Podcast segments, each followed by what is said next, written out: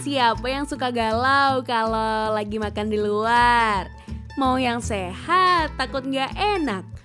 Mau yang enak, tapi kalorinya tinggi. Nah, di video Eat This Not That dari Squad Fitness kali ini udah ngerangkum beberapa makanan yang bisa kamu pilih saat makan di luar. Pastinya tetap enak dan jumlah kalorinya tidak terlalu tinggi. Yang suka makan di resto kalau menu utamanya dua makanan ini, kalian pilih yang mana nih? Nasi goreng kambing plus kerupuk atau nasi putih dengan ikan bakar? Dua makanan ini pasti sering banget kita temui kan?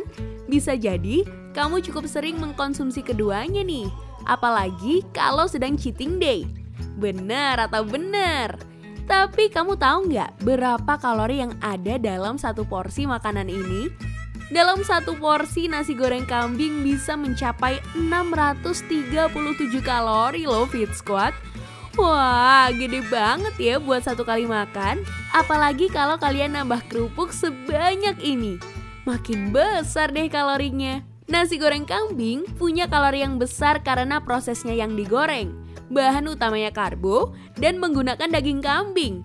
Sekarang, bandingkan dengan satu porsi nasi putih dan ikan bakar.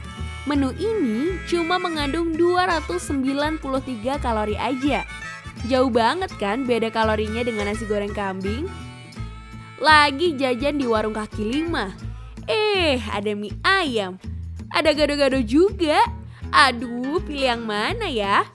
Enaknya makan mie ayam atau gado-gado nih Fit Squad? Mie ayam dan gado-gado termasuk makanan favorit kebanyakan orang. Selain rasanya yang lezat, makanan ini juga gampang ditemuin. Mie ayam dan gado-gado sama-sama mengenyangkan karena terdapat kandungan karbohidrat dan protein di dalamnya. Tapi tetap saja, besar kalori kedua makanan ini berbeda ya terbuat dari tepung dan memiliki kandungan minyak di dalamnya, mie ayam memiliki kalori yang lebih tinggi dibanding gado-gado, yaitu sekitar 450 kalori dalam satu porsi. Apalagi kalau ditambah kecap dan saus, wah makin besar nih kalorinya.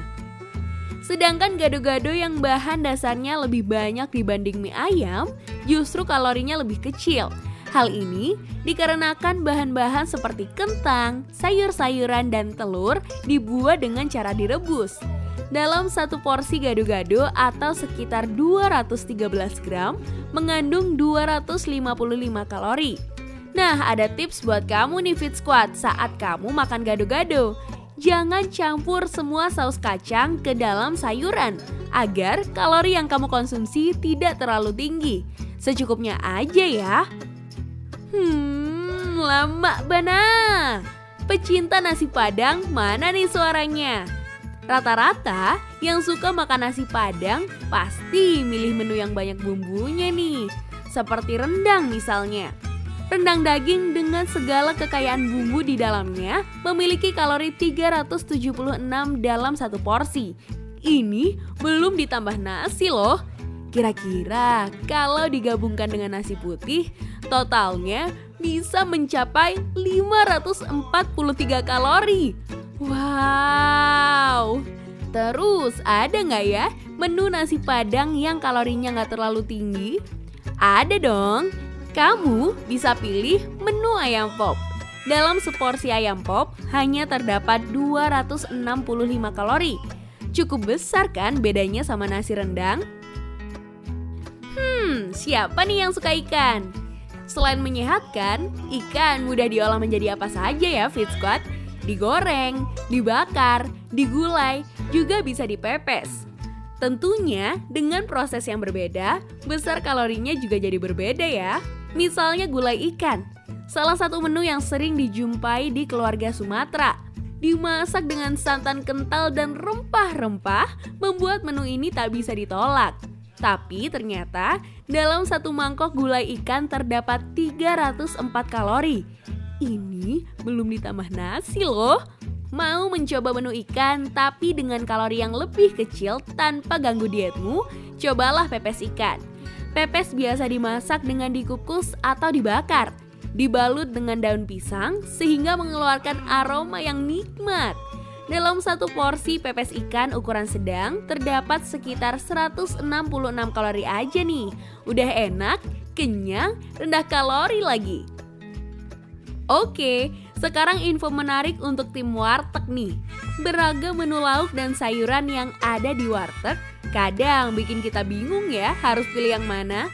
Kalau disuruh pilih menu sayur, kira-kira pilih yang mana nih? Terong balado yang gurih atau sop sayur yang segar?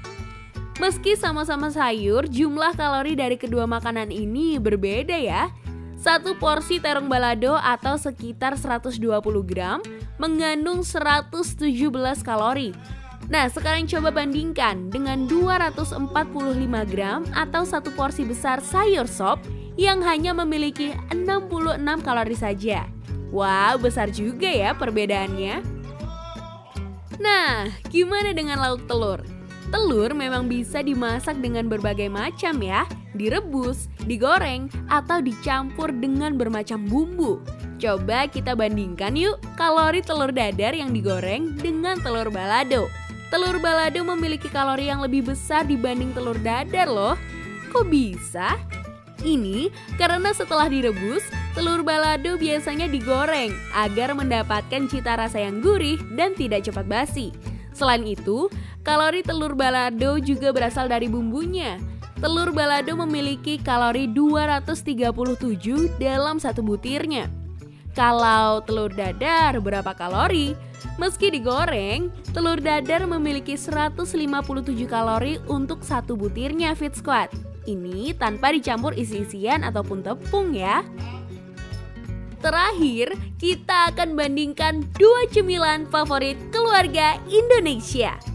Martabak manis versus martabak telur. Ayo, kalian tim mana nih?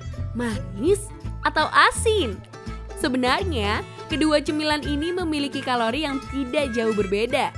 Satu potong martabak manis atau sekitar 100 gram mengandung sekitar 270 kalori Sedangkan dalam 100 gram martabak telur mengandung 200 kalori. Perbedaan yang cukup signifikan dari kedua martabak ini ada pada kandungan gizinya. Martabak telur memiliki kandungan protein yang lebih tinggi dibandingkan martabak manis, sehingga membuat kamu bisa kenyang lebih lama. Gimana nih Fit Squad? Menarik bukan pembahasan kita kali ini? See you in the next video Fit Squad!